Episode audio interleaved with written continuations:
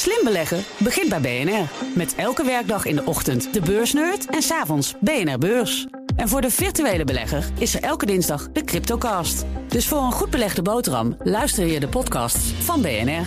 Blijf scherp. Moet je toch op het grijze wachten. En dat is wel mooi, want je hebt eh, een tijdje terug verteld dat je grijze haren krijgt. Ja, maar, maar nog weinig gelukkig. Hè? Diederik Gommers is niet wit of zwart, hij is toch gewoon een klein beetje grijs met wat bruin. Hallo, ik ben Kees Dorrestein. En ik ben Diederik Gommers. Ja, bekend IC-arts en OMT-lid. En in deze podcast beantwoordt hij jouw coronavragen. Stuur je vragen naar me op via WhatsApp 06 8370 9229, via de mail gommers@bnr.nl of via Instagram BNR Nieuwsradio. Dan leg ik ze aan hem voor. Vraag het. Gommers. Goed dat je weer luistert. Een nieuwe aflevering. Een heleboel vragen binnengekomen. Onder andere of dat Janssen-vaccin met één prik nou wel voldoende beschermt tegen de Delta-variant. En is de behandeling van COVID-patiënten in het ziekenhuis en op de IC eigenlijk in die anderhalf jaar veranderd? Allereerst, Diederik, je zit in eh, je witte dokterstenu voor me. Dat betekent dat je een IC-week hebt. Ja, ik heb de hele week eh, zaaldienst. Het was leuk om te doen. Ehm, dus van maandag tot en met vrijdag. Dus het zit er bijna op. Is het rustig? Nou, de eh, kliniek ligt vol. Dus wij hebben. Dus van de 50 bedden draaien we er nu 45. Dus in verband met de vakantiereductie. Dus vijf bedden gesloten, omdat dan meer verpleegkundigen op vakantie kunnen. Maar die 45 bedden lagen wel de hele week vol. Maar niet met COVID. We hebben nog helemaal geen. eh, nou, één patiënt met COVID hebben we even gehad. Maar die kon na een eh, halve dag alweer terug naar de afdeling. Oh. Dus ze liggen wel op de gewone afdeling in het ziekenhuis, maar nog niet op de intensive care. Nou, dat is wel fijn. Ja, dan toch? Ja. absoluut. Ehm, ik pak gewoon de eerste vraag erbij. Ja. Daar gaan we. Eva, die vraagt zich af: wat is de gemiddelde leeftijd van de IC- en ziekenhuispatiënten die nu met corona binnenkomen? Zie je nog een opvallende ontwikkeling door de Delta-variant? Nou ja, wat de RIVM heel duidelijk laat zien, dat die hoge aantal besmettingen zitten vooral tussen de leeftijd 20 en 30. En ook daarvoor, hè, 15 en 20. En dat zie je heel duidelijk afnemen in de oudere leeftijdsgroepen. En, en, dus na die eerste week of tweede week van juli zag je het een heel klein beetje ook stijgen. In de 40-plussers, 50-plussers, 60-plussers. Maar wat we vooral zien in die, hoe ouder je bent, daar is gewoon de vaccinatiegraad, die gaat richting de 80%. Dus die mensen zijn goed beschermd. Ehm, dus wat wij zien in Nederland is nog maar heel weinig. Want wij zaten ongeveer op 75 patiënten op de intensive care. Die lagen er nog hè, van de derde golf. En nu is dat gestegen naar vandaag 107. Ehm, dus ja, er zijn maar, er zijn maar nou ja, kleine 30 patiënten eh, erbij gekomen. Of iets meer dan 30. 32 liggen er nu meer dan eh, eind juni. Ehm, begin juli. Ehm, en, en, maar we zien daar eigenlijk alleen maar 50-plussers van. Het grootste gedeelte is gewoon ouder dan 50 jaar. Het is echt zelden dat iemand onder de 30 eh, op de intensive care terechtkomt. Vaak hebben die dan ofwel een onderliggend lijden. Of ze hebben achteraf een genetische afwijking, waardoor ze de afweer eh, anders is. En dat wisten ze niet. Het is heel af en toe eh, dat een jong iemand toch naar de intensive care komt. Het is niet nul. Het is niet. Hè?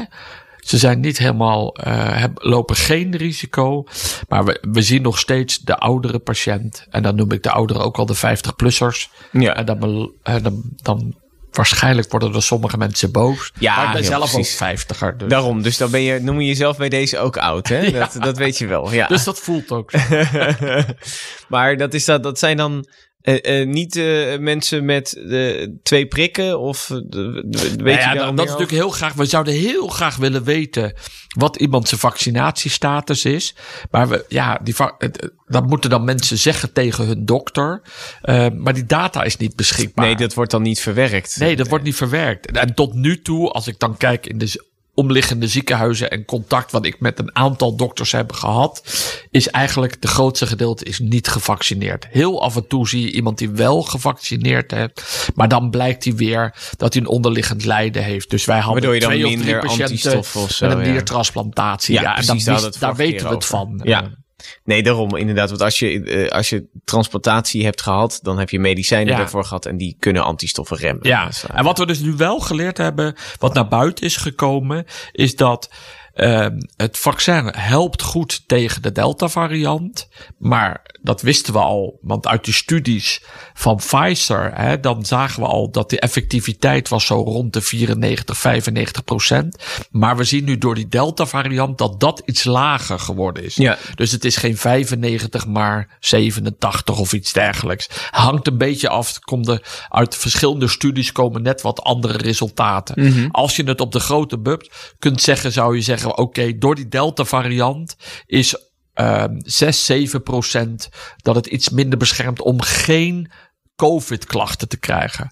Maar om niet opgenomen te worden in het ziekenhuis, dat zien we eigenlijk niet veranderen. Daar is het ruim boven de 90% dat het goed beschermt. Ook geen 100%, maar daar zien we geen verandering dat door de Delta-variant dat er meer mensen worden opgenomen in ziekenhuizen. ja, het RIVM die meldde nog dat volgens mij 9% van de mensen die eh, eh, twee prikken hadden gehad, die konden, die konden nog wel eens positief testen op, op de Delta Nou variant. ja, dat is wat ze bij de besmettingen zien. Ja. En, en wij, bedoel, dat zo voelde ik het ook. Eh, als, je, als je dubbel gevaccineerd bent en langer geleden. eh, ja, we wisten wel dat het geen 100%, maar het voelt als 100%. Ja. Ja, en je kunt natuurlijk, als er zoveel besmettingen zijn, ja, dan wordt het duidelijker. In die besmettingen waren 84% waren mensen die niet gevaccineerd werden.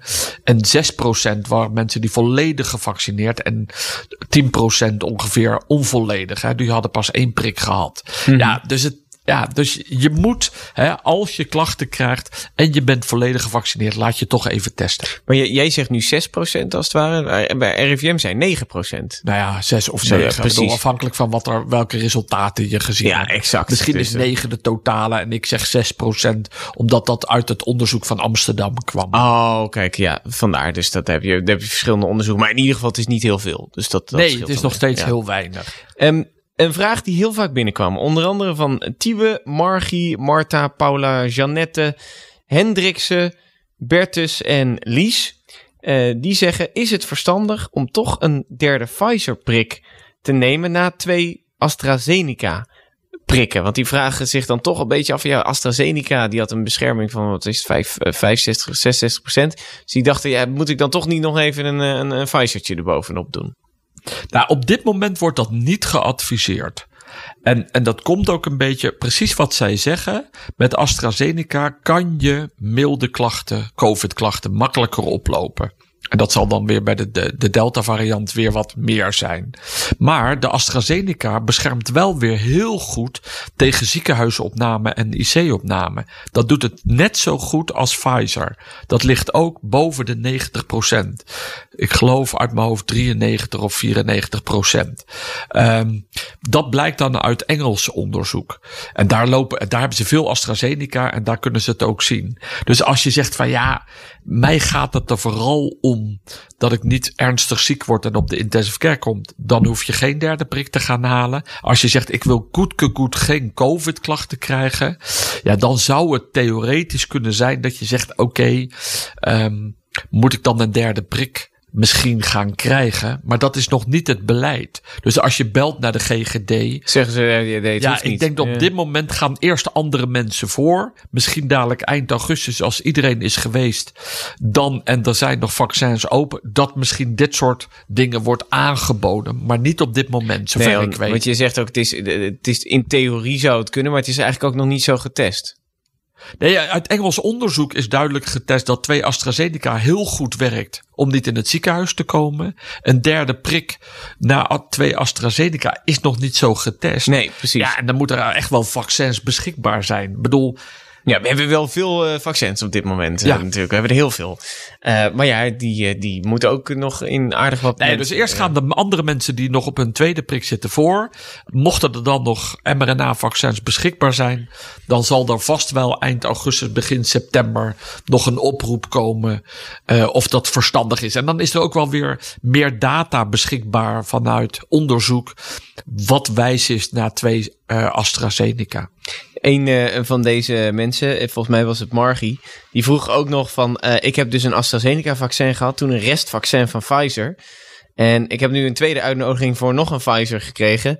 Eh, Als ik die niet neem, dan kom ik niet in de RIVM-registratie. eh, Ja, dan- nou, dan- zou ik hem wel Ja. gaan halen. ja, want het is eh, zelfs als het niks doet, dan doet het ook geen kwaad, volgens mij, toch? zo- ja, nee. Dus als je te veel prikken krijgt, ehm, daar was altijd het idee van, dan kan het geen kwaad.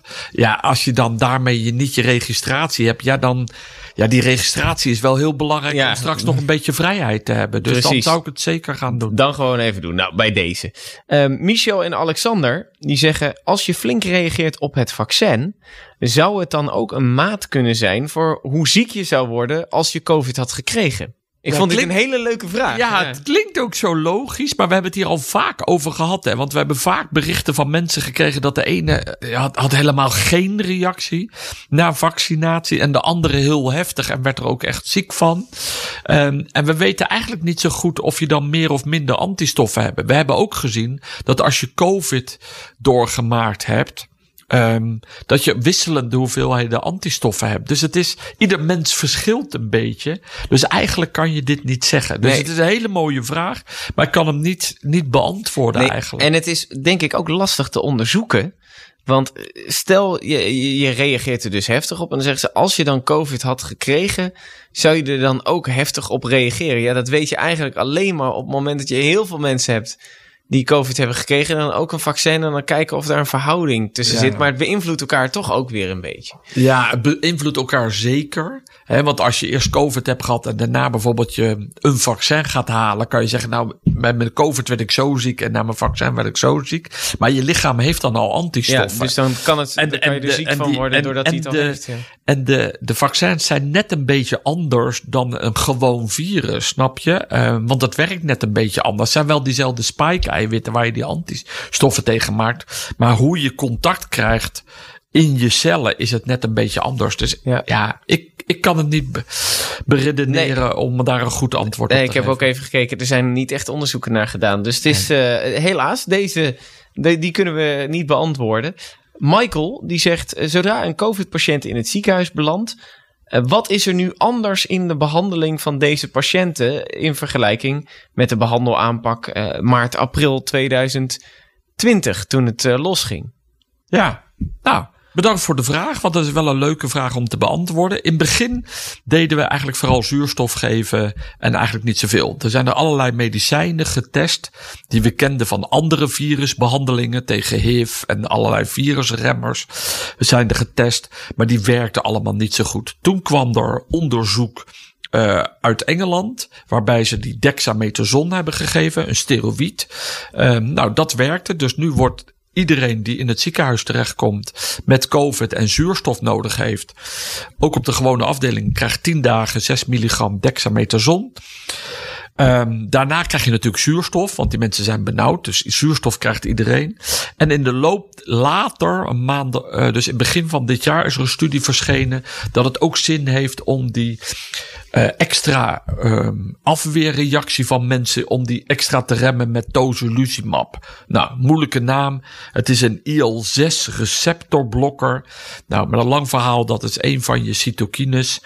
Eh, Mooi, mensen die denken echt, ik hoor nu drie termen, die moet ik als een gek gaan opzoeken. Googelen, googelen, googelen. ja, en, en die remt die. Dus hij zet een, een cascade van jouw afweer remt die. Ehm, dat Ja, omdat van- je eff- afweer eigenlijk te heftig reageert en Ja. daarom kom je in het ziekenhuis. Ja, en, en daar hebben we gezien dat als patiënten die eh, verslechteren aan de zuurstof en meer zuurstof nodig hebben, die krijgen ook tocilizumab. En als derde geven we nog een antitrombosemiddel. Hè. Dus normaal als je in het ziekenhuis ligt en je ligt te lang in bed, krijg je altijd zo'n prikje net onder de huid, subcutaan heet dat, met nadroparine of fractieparine. Dat is een laag moleculair heparine. Ehm, en die, en die voorkomt dat je trombose krijgt, omdat je eigenlijk te weinig, te lang in je bed ligt. Nou, die, dat antitrombosemiddel geven we ook bij COVID-patiënten om eh, die trombose een beetje te remmen. Dus eigenlijk geven we drie medicijnen en zuurstof. En eh, kan het dan ook zo zijn dat patiënten dan minder lang in het ziekenhuis verblijven? Of is het eigenlijk nog steeds dezelfde tijd? Ja, wat het lastige is dat we zien dat de lichttijd, lichtduur is een beetje verkort. Eh, de overleving op de afdeling is duidelijk lager geworden. Op de IC minder duidelijk effect. Iets lager. Maar of dat precies... Maar de overlevingskans is lager geworden, dus je... je- Nee, de, de, de, de, de, de, sterftecijfer is lager. Oh, sterftecijfer. De overleving is beter geworden. ja, oh, gelukkig, ja. Eh, eh, eh, vooral op de, in de, op de kliniek, omdat we daar nu deze medicijnen echt geven. Ook wel op de IC. Alleen het nadeel van de IC is dat je patiënten altijd goed moet vergelijken.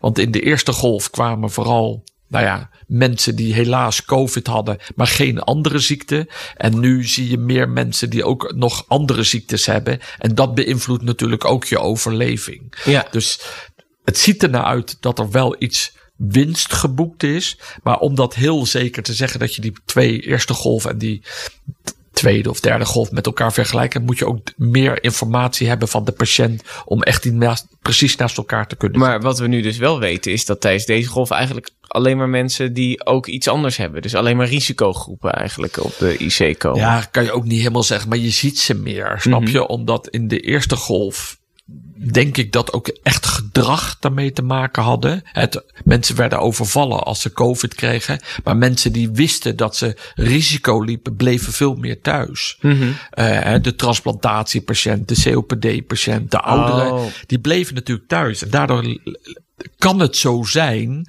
dat je minder risico had om COVID te krijgen. Toen op een gegeven moment de eerste golf voorbij was en we gingen versoepelen, gingen ook meer mensen naar buiten. Ja, dan liep je ook meer, kon je risico hebben dat je COVID en dus was. En dus ze- ah, kwamen die mensen later misschien wel eh, naar de kliniek. Nou, of dat allemaal zo is, heel, dat moet je eigenlijk heel netjes gaan uitzoeken. Dus die studies, eh, die komen er nog aan. Oké. Corine die zegt, tegen mijn nichtje was gezegd door iemand van de GGD dat COVID zelftesten niet werken voor de Delta variant. Klopt dat? Nou ja, ik weet niet of ze dan een speciale COVID-sneltest bedoelt. Maar we zien nu dat heel veel mensen thuis een sneltest doen. Die is positief. En dan gaan ze heel goed naar de GGD. En dan om het nog te laten bevestigen door een PCR-test van de GGD. En wij, en wij zien dus dat. Ik weet niet welk percentage, maar een groot percentage van de PCR-testen die nu bij de GGD positief zijn, die komen van mensen die thuis een sneltest hebben gedaan. Dus ik ben het niet helemaal eens. Ik denk dat het niet helemaal klopt, maar misschien was er een discussie over een bepaald type sneltest en dat die daar ehm, daar dan minder eh, toepasselijk was. Omdat die sneltesten, die kijken wel met antistoffen tegen de uiteinden van het vieren, eh, van, de, van de antilichamen tegen eh, COVID. Ehm, en, die, en die kunnen al of niet een beetje anders zijn. Maar ik, ik heb het niet gehoord dat het niet werkt. eh. Oké, nou dan kunnen we bij deze zeggen, waarschijnlijk klopt het niet, Corinne. Sander, die zegt ehm, dat jij het een tijdje terug had je het over Lowlands. En dat dat misschien wel door zou kunnen gaan. Maar hij zegt, ja, als je nu naar de huidige situatie kijkt, kan Lowlands dan wel doorgaan? Ja, lastig is dat hè, op het moment. Want we willen zo graag naar die festivals. Ehm, en, en, en, het, en en er komt net, we komen net tijd tekort. Want je merkt eigenlijk, je, want we moeten ook straks een keer alles loslaten. Hè? Mhm. Ehm, en, maar dat loslaten, dat is ergens als iedereen die zich wil laten vaccineren, gevaccineerd Ja, want is. hebben heel veel mensen twee prikken gehad. Ja, dat iedereen zijn twee prikken gehad heeft. En dan als je het netjes doet, zou je eigenlijk nog twee weken na de naaste Nederlander die zich wil laten Ja. vaccineren. eh, en dan zou je willen vrijgeven. Dus dat is ergens eerste week, tweede week september. Maar Lowlands is al eind augustus. Ja. Dus dan, ja, ik, ik ga er niet over. Maar het is een best moeilijk besluit. Dus dat moet ergens besloten worden. Omdat je natuurlijk eind juli of 13 augustus moet het bekend worden. Hè, de nieuwe Ja. maatregelen van de kabinet. Of er dan uitzicht is dat een hoog percentage van de mensen al gevaccineerd is. En dat het dan veilig is om met zoveel mensen bij elkaar te komen. Of dat je toch zegt, ja jongens, het is eigenlijk niet veilig genoeg. Eh, we moeten echt wachten tot iedereen gevaccineerd is. Of die het wil. En dat Ja. betekent nog steeds dat je ook niet 100% hebt. Hè. Dan heb je nog steeds 20, 25% van de mensen zijn dan niet gevaccineerd. Ja. En daar hebben we het vorige keer over. Als dat 25% is, 1 vierde. We hebben ongeveer 12 miljoen volwassen mensen in over 3 Nederland. zijn mensen, er nog steeds 3 miljoen mensen. Dat is best veel. Dat klopt, maar dat is dan wel verspreid natuurlijk. En, eh, Jawel, maar dat, het lastige is, wat natuurlijk belangrijk is. Eh, is hoeveel van de jonge mensen die vooral naar een festival gaan, laten we zeggen, zal dat tussen de 15, 16 en de 40 jaar? Ja, zoiets, dat denk ik. Nou ja, ja. Die, die groep, daar moet je dan liefst van weten hoeveel percentage is daar gemiddeld van gevaccineerd. Mhm. En durven we die mensen dan met zulke grote Ja. aantallen Of met test. in een aantal dagen naar elkaar. Hè? Want nu is het idee, het is eigenlijk veiliger als je iedereen zou testen. Ook mensen die gevaccineerd zijn. Want we Mhm. zien dat je toch nou ja, 15, 20 procent. Ja, welk percentage precies weet ik niet. Maar zeg maar even 15 procent van de gevaccineerden kan toch virusverspreider van die Delta variant. Mhm. Dus ja, als er dan. eh, dus willen graag al die mensen toch ook de mensen met vaccinaties testen. Dus dat betekent dat je iedere dag iedereen moet testen. Ja. Nou ja, ja. dat is lastig. Ja, maar, maar ja, Nee. bedoel, maar het is Nee. te organiseren. Alles, alles, voor alles is een oplossing. Nee, precies. Dus het is eigenlijk op dit moment ehm, ja, ge- ge- geen zinnig antwoord op te ge- eh, geven. Nee, Het maar kan- als ik, als ik jou zo hoor, dan heb, heb je wel zoiets van, nou, het zou eigenlijk fijn zijn als, eh, eh, kijk, je moet het een keer opengooien, maar ehm, eh, het is ook wel fijn als gewoon heel veel mensen een tweede prik hebben gehad. Dus dat, dat we dat eigenlijk ergens in september doen op het moment dat iedereen in ieder geval die het wil, twee prikken heeft gehad. Want dan zitten we op een heel hoog aantal. Ja, kijk, als, als, en ik weet helemaal niet of dat kan, maar als je zou zeggen Lowlands kan een maand later, ja, dan heb ik er veel beter gevoel dat ik denk dat het dan zou gaan lukken. Want dan, Ja. ik denk ergens half september komt er een moment dat de regering gaat besluiten, jongens, ehm, we gaan het vrijgeven. Ja. En, en ik weet niet precies wanneer. Misschien besluiten ze eerder. Mhm.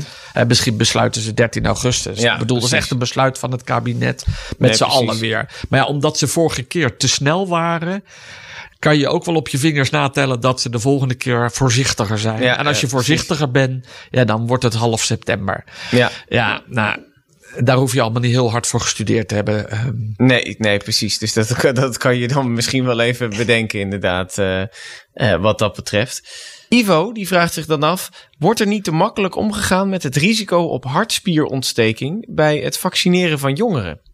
En dan heeft hij het vooral echt over eh, tieners. Want Ja. die, die zouden dan eh, een wat groter risico hebben op een hartspierontsteking. Ja, maar we, ik ken het alleen van de COVID. Snap je? Van COVID-19. Mhm. Je kunt soms een ontsteking krijgen van je spier, van je hartspier. Dat noem je myocarditis met een heel moeilijk woord. Dat zie je bij jonge mensen. Ehm, en soms, hè, dus vermoeidheidsklachten is kenmerkend van COVID, maar ook van long-COVID. Maar soms vinden we ook wel dat ook echt de hartspier is aangedaan. Dan zit het, zit het virus in die hartspier. De, de behandeling is steroïden geven. Nou, dat doen we ook vaak. Ehm, en dan eh, wordt het wel weer minder en dan ver- verbetert je hartfunctie weer.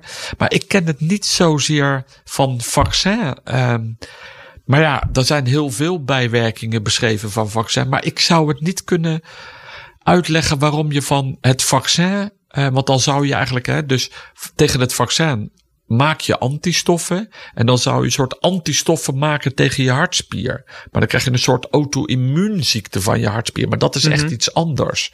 Ik ken dat niet eigenlijk. Dus ik, s- nee. Maar dan, dan kan je. Maar als je zegt, ja, je kan het ook van COVID krijgen, dan. Ja, maar van COVID beetje- kennen ja. we het. Snap je? Ja. Van COVID kennen we Maar, het nee, echt. maar dan denk ik dat de kans dat je het krijgt van COVID hoger is dan. eh, Nee, dan maar kijk, al- ja. al- COVID zit echt, dan gaat het virus in die spier zitten, in je hartspier. En daardoor krijg je een ontsteking van je hartspier. Maar van vaccin maak je antistoffen.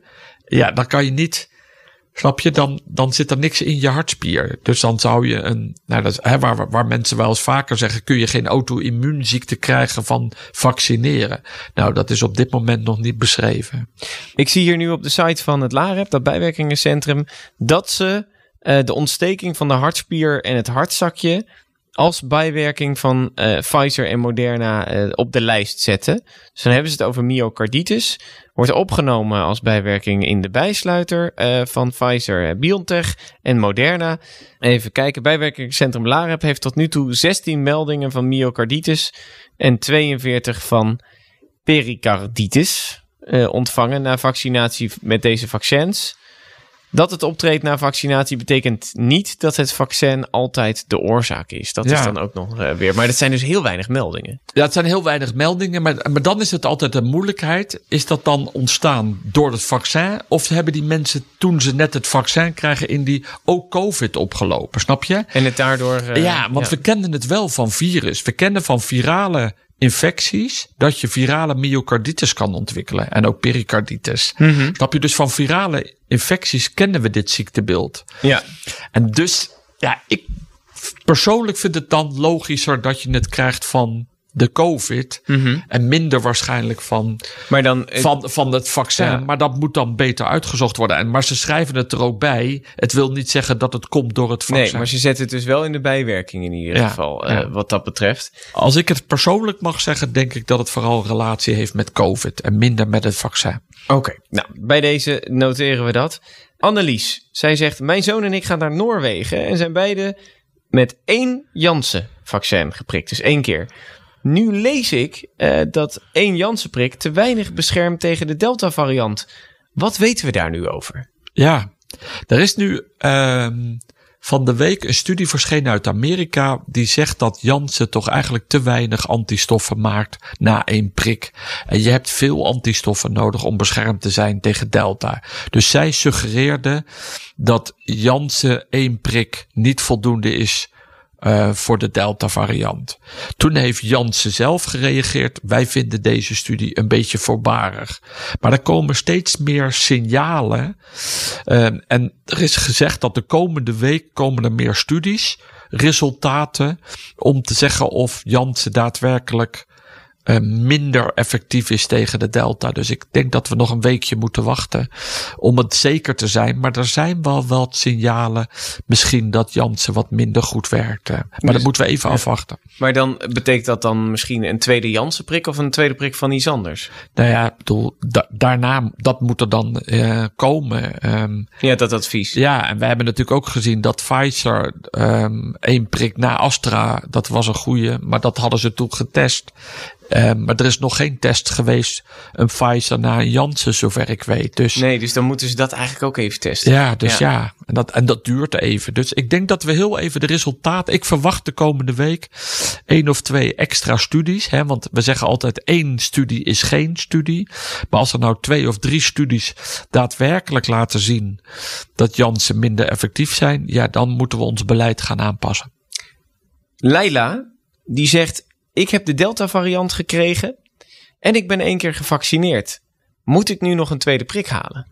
Ja, het is eigenlijk, eh, als, je, als je al gevaccineerd bent, heb je al wat antistoffen gemaakt. Nou, hè, nu heb je de delta, nou dan maak je nog meer antistoffen. Eigenlijk zeggen we dan, ja, ehm, dan heb je in ieder geval voldoende antistoffen, is de verwachting. Het lastige is, wat we er straks ook bespraken, krijg je dan in je QR-code of in je, in je corona-check, krijg je dan dat je, dat, je, dat je voldoende gevaccineerd bent. Ja. Ik denk het niet, omdat je zo moeilijk kan aantonen, tenzij je een positieve PCR-test hebt bij de GGD. Maar ik weet eigenlijk niet of ze dat er zo dan inzetten. Dus je, je moet even contact opnemen met de GGD. Want als je daar je positieve PCR hebt. En zij zeggen: Oké, daarmee ben je positief. En je had al een prik, want die stond er al in het systeem. Ja, het kan dan zijn dat je dan een eh, vinkje krijgt voor je corona-check. Mhm. En dan ben je. En dan ben je ja. klaar. Maar als dat niet zo is, ja, dan zou ik toch nog gauw die tweede prik hebben. Want anders, ja, kan je niet eh, straks de cafés of de restaurants. Nee, precies, dat wil je dan ook niet.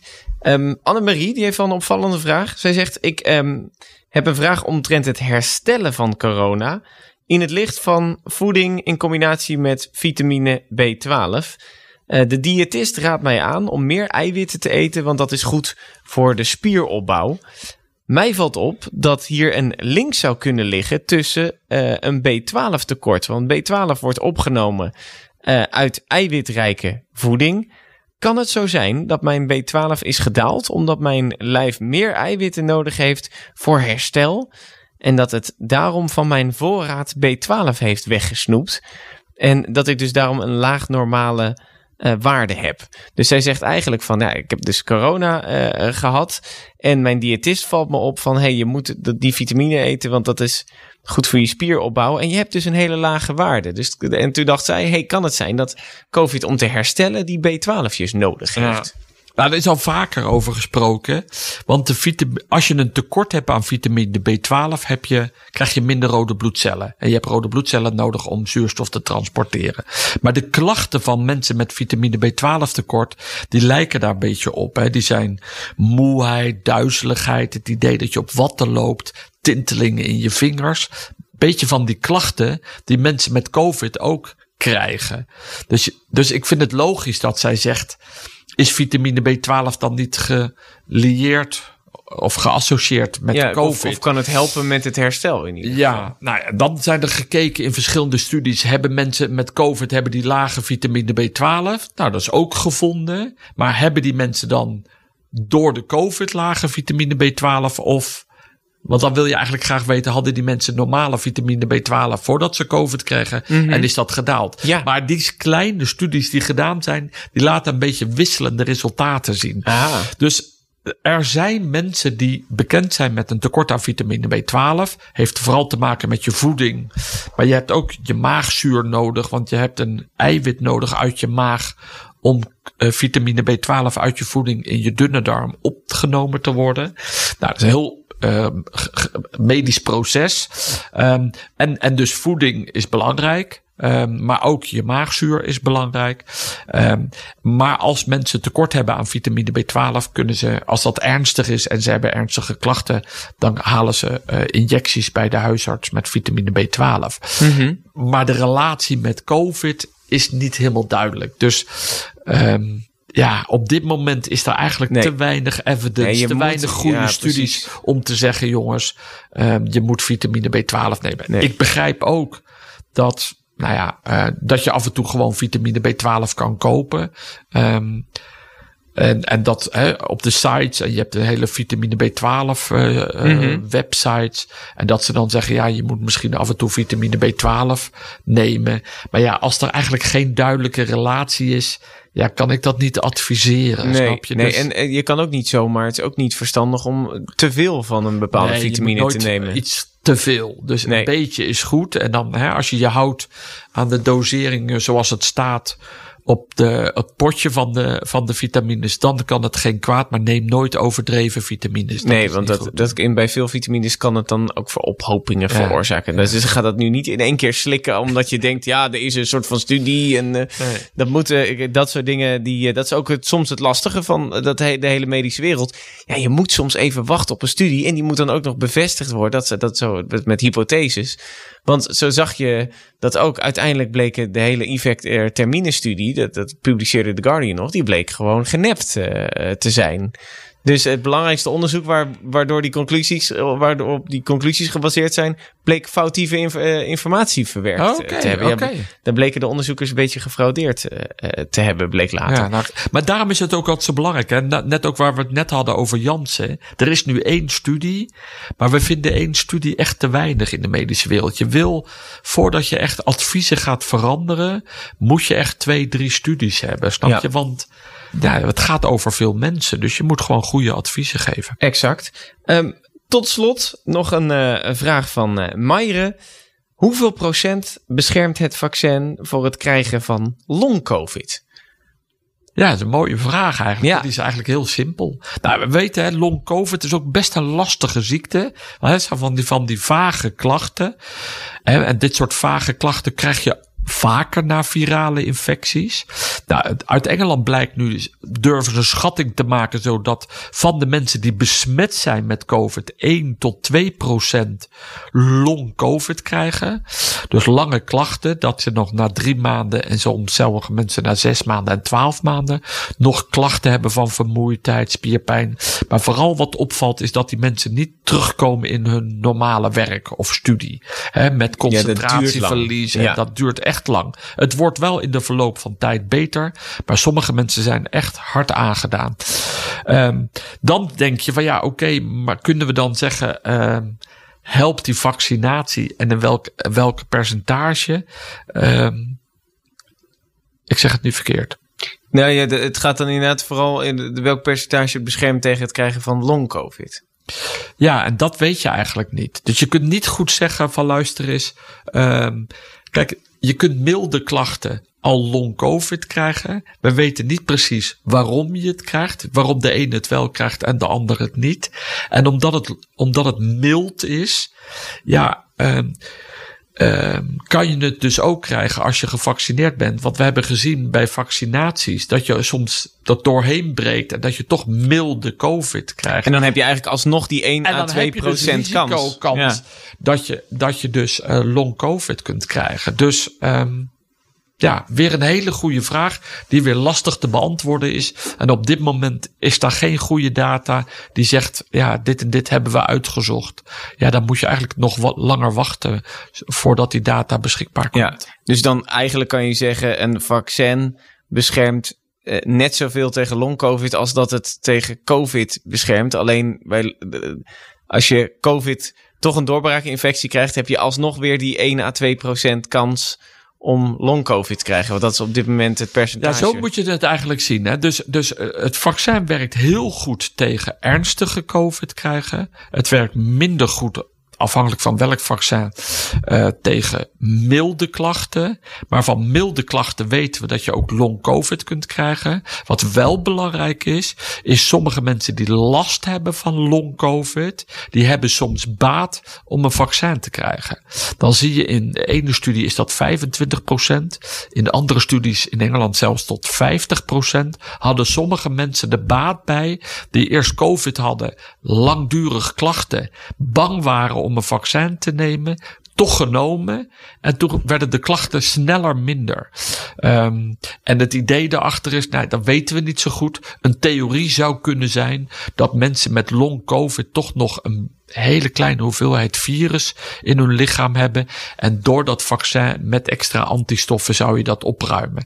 Maar, maar ook dat is weer een theorie die niet voor alle, ja, Nee, dat geldt niet. Dat, en dat is het lastige van eh, long COVID. Dus we kunnen hem niet exact eh, beantwoorden. Ehm, denk dan maar zo. eh, als je milde COVID krijgt, heb je 1 tot 2 procent kans. Dat is op zich wat we nu weten wat betreft eh, eh, long COVID. Dus dat is dan. Dat geldt dan op het moment dat je met pech eh, een, een lichte doorbraakinfectie eh, krijgt. ja. Ehm, heb jij ook een vraag? Nou, je kan hem gewoon sturen. Mail hem naar gommers.bnr.nl of stuur hem als een WhatsAppje naar het nummer dat je aan het begin van de aflevering hebt gehoord. En dan gaan we proberen om het te beantwoorden. Het kan zijn dat er dus nog maar één onderzoek ligt en dan kunnen we niet een exact antwoord geven. Wij zijn ook geen alwetende wezens. Dat is nou eenmaal ook gewoon wat het is, toch? dat Ja, is- nee, maar het is ook belangrijk om goede adviezen te geven. Snap je? Precies. En, en, en ja, we willen heel graag dat iets of wit of zwart is. Maar ja, in dit soort gevallen is er, is er voortschrijdend inzicht. En die voortschrijdend inzicht komt van de wetenschap. Ja, en dan moet je soms even Ja. op wachten. Dus eh, ja, moet je- sorry. moet je toch op het grijze wachten. En dat is wel mooi, want je hebt eh, een tijdje terug verteld dat je grijze haren Ja, krijgt. maar, maar nog een- weinig gelukkig. Hè? Diederik Gommers is niet wit of zwart, hij is toch gewoon een klein beetje grijs met wat bruin. Mooi. Tot de volgende keer. Hoi.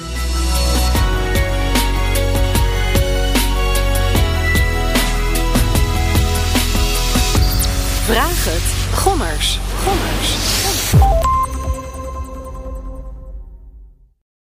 BNR Headlines. De hele dag binnen- en buitenlandse politiek. In Nederland hebben we geen munitiefabrieken. De hele dag economie. vijf dagen in de week bezorgen. Dat kan niet uit. De hele dag technologie. Amerikanen weer op de maan. Heb je eigenlijk geen tijd, maar wil je toch op de hoogte blijven? BNR Headlines. Het laatste nieuws, maar dan in het kort. Ga naar je podcast-app en abonneer je op BNR Headlines.